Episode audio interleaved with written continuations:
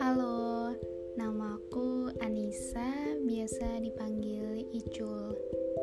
Di podcast aku yang pertama ini akan ngobrolin tentang di bawah umur. Wow, di bawah umur. Ngobrolin apa ya kira-kira? Uh, aku masih bingung batasan anak dikatakan sebenarnya? Kalau secara administratif nih ya, 17 tahun. Ketika anak umur 17 tahun itu akan mendapatkan fasilitas-fasilitas yang tidak pernah didapatkan ketika masih di bawah umur.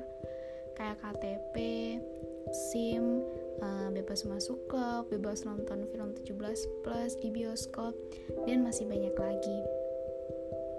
Mungkin itu kali ya alasan anak-anak pengen cepet 17 tahun dicoret dari label di bawah umur dan dianggap dewasa. Tapi, umur 17 tahun tidak menjamin kedewasaan seseorang sih. Karena dewasa bukan masalah umur, tapi dewasa itu tentang tanggung jawab dan bagaimana seseorang menyelesaikan segala persoalan hidupnya. Kenapa sih pengen buru-buru 17 tahun? Padahal enak loh jadi anak di bawah umur. Kenapa enak? Ya karena masih banyak toleransi. Ketika melakukan kesalahan, maka orang akan ngomong, udah gak apa-apa, namanya juga anak kecil, masih di bawah umur. Anak di bawah umur juga masih mendapatkan perlindungan dari orang tua, sekolah, dan lingkungan sekitar. Dan yang paling penting, masalah hidupnya belum rumit, masih seputar sekolah, cita-cita, dan cinta monyet mungkin? Belum mikirin rumitnya kerja, bayar tagihan, dan ditinggal nikah kan? Jadi anak di bawah umur juga susah dan gak enak sih.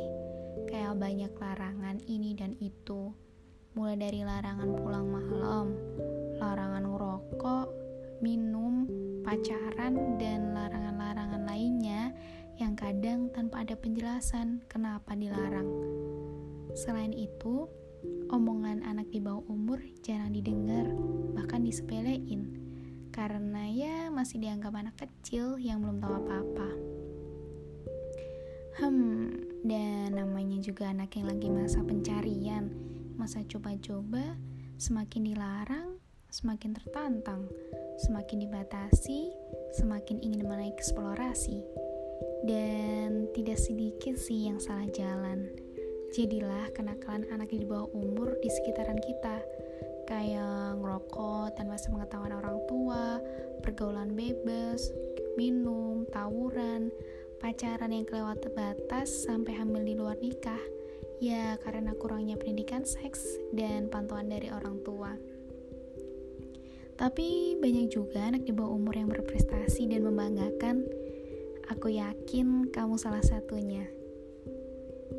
Dan um, sekarang ini, kayak di era digital milenial ini, tambah lagi PR orang tua untuk mengawasi anak di bawah umur dalam menggunakan media sosialnya. Jangan sampai mendapatkan informasi-informasi yang bukan porsinya. Jangan sampai menjadi korban digital bullying, bahkan sampai menjadi pelakunya. anak di bawah umur itu sebenarnya anak-anak yang sedang membangun diri untuk menjadi seseorang seperti apa dia ketika dewasa nanti.